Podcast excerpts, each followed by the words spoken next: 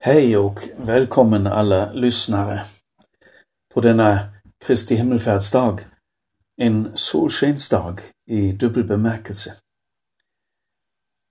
Vi går direkt till texten som man brukar läsa denna dag i Apostlärningar i första kapitlet ifrån vers 6 till 11. Och jag läser nu ifrån folkbibeln. När de nu var samlade frågade de honom, Herre, är tiden nu inne då du skall återupprätta riket åt Israel? Han svarade dem, det är inte er sak att veta vilka tider eller stunder som Fadern i sin makt har bestämt. Men när den heliga Ande kommer över er ska ni få kraft och bli mina vittnen i Jerusalem, i hela Judeen och Samarien och ända till jordens yttersta gräns. När han hade sagt detta såg de hur han lyftes upp, och ett moln tog honom ur deras åsyn. Medan de såg mot himlen, dit han steg upp, stod plötsligt två män i vita kläder hos dem. De sade, Galilea, varför står ni och ser mot himlen? Denne Jesus, som togs upp från er till himlen, han ska komma tillbaka på samma sätt som ni såg honom stiga upp till himlen. Så långt lyckas i sin berättelse. Är inte det en märklig Gud som vi kristna ber till, tror på och inriktar våra liv efter? Han är så tvärtom, så annorlunda än allt vad vi människor vanligtvis tänker på när vi tänker Gud. När han träder in i denna värld gör han det helt obetydligt som en Mr Nobody med ett udda föräldrapar som det sladdrades om. De är hemlösa när han ska födas, så att hans första bädd är ett fodertrog i ett luktande stall. Ingen gudomlig värdighet precis. Och de som får veta och sedan lyckönskade udda paret är allmänt illasedda herdar, marginaliserade, halvkriminella. Och just det får änglabesök.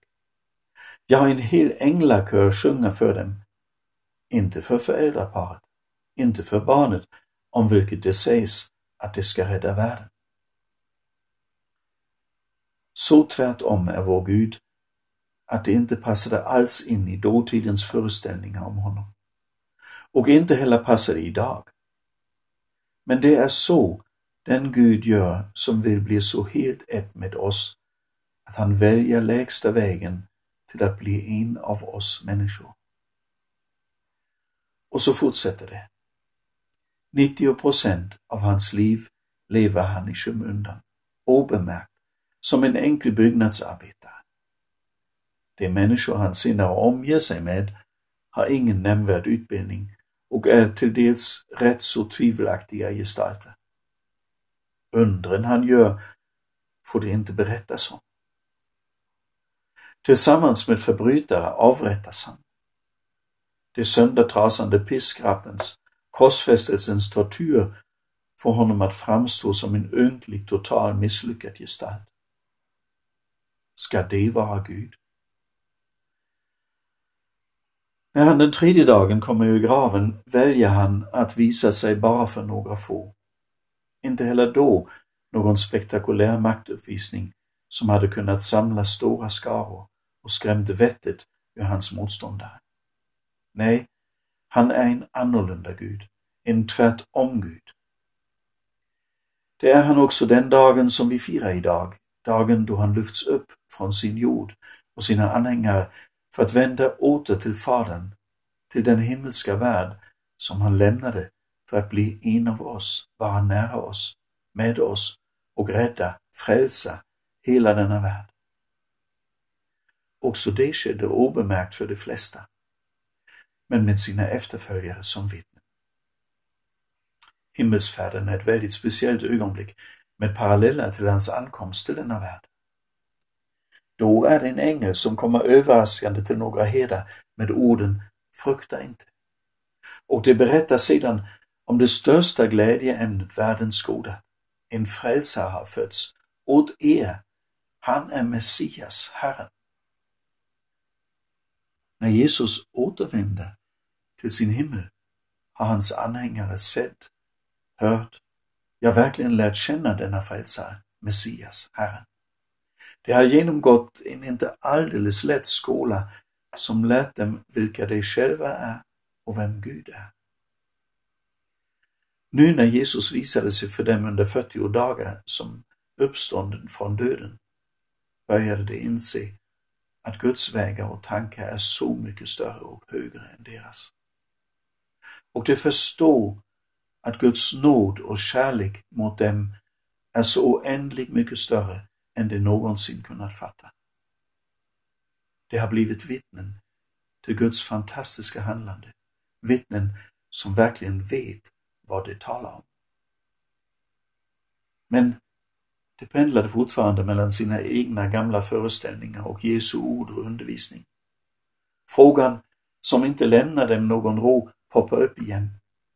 Ska du upprätta ditt rike nu? Men Jesus är tydlig med att tid och stund inte är deras angelägenhet, utan han riktar deras tankar istället på uppdraget att vara hans vittnen i Jerusalem, i det avskydda Samarien och därefter bland alla världens folk. Men först ska de invänta hjälparen som ska komma efter att Jesus vänt tillbaka till sin himmel. Hjälparen, den heliga Ande, så att de inte är faderlösa. Ja, just det. Det berättade Jesus ju för oss, sa de kanske till varandra. De förstod nog inte så mycket mera förrän det var dags.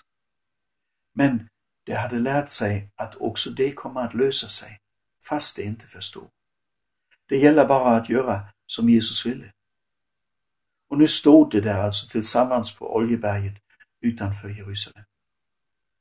Avskedets stund var inne.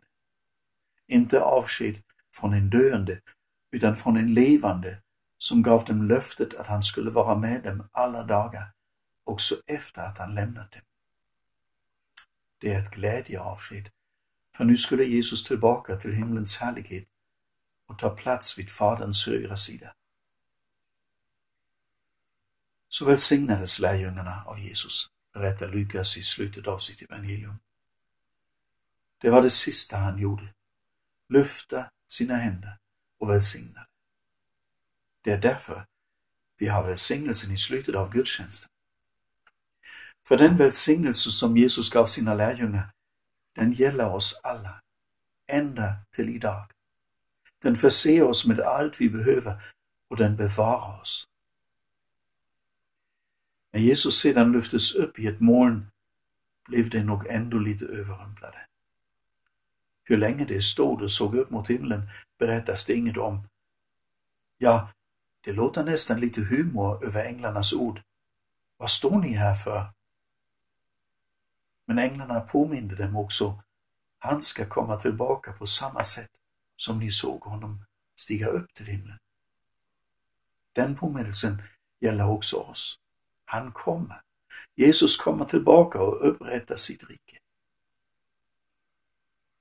Herdarna i Betlehem, som begav sig till stallet och blev vittnen till Jesu förunderliga debut in i denna värld, de vände tillbaka i stor glädje och lovade och prisade Gud. 30 år senare är det de elva lärjungarna som blev vittnen till hans himmelsfärd, som också vände tillbaka i jublande glädje. Kanske var det en skvätt av den himmelska glädjen, det himmelska jublet som kom över dem.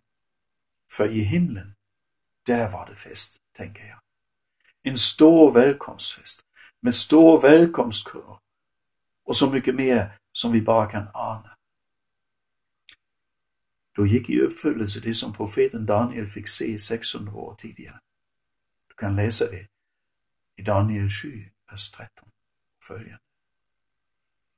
Också vi ska få se honom i all denna härlighet, likt Johannes som skildrar för oss i Uppenbarelseboken allt det han fick se. Den himmelska festen varade i tio dagar. Sen sände Jesus den heliga Ande, eller så kan vi också uttrycka det, sen kom Jesus till oss i Andens gestalt, till dig och mig. Men det ska vi syssla med när det blivit pingst om en och en halv vecka. Nu ska vi glädjas och fira, vi också. Amen. Vill du be med mig? Herre Jesus Kristus, dig tillhör all ära, all pris, all lovsång. Hur kan vi nog tacka och prisa och lova dig, dig som lämnade din himmel för att bli människa, bli en av oss. Du gjorde dig liten, avsade dig all mänsklig makt, tjänade till det yttersta och lät dig slaktas som ett lamm, tyst och villig, för att köpa en hel mänsklighet fri från synd och död och djävul. Och nu, nu är du med oss, nära, omslutande, in till tidens slut. Herre, jag ber dig, låt alltid gå upp på nytt i våra hjärtan och liv. Inte för vår skull först och främst, men för ditt uppdrags skull, förkunnelsen av det glada budskapet om dig, så att denna världs alla människor får höra, komma till tro och jubla över dig. Dig tillhör allt, dig tillhör våra liv nu och i all evighet. Amen.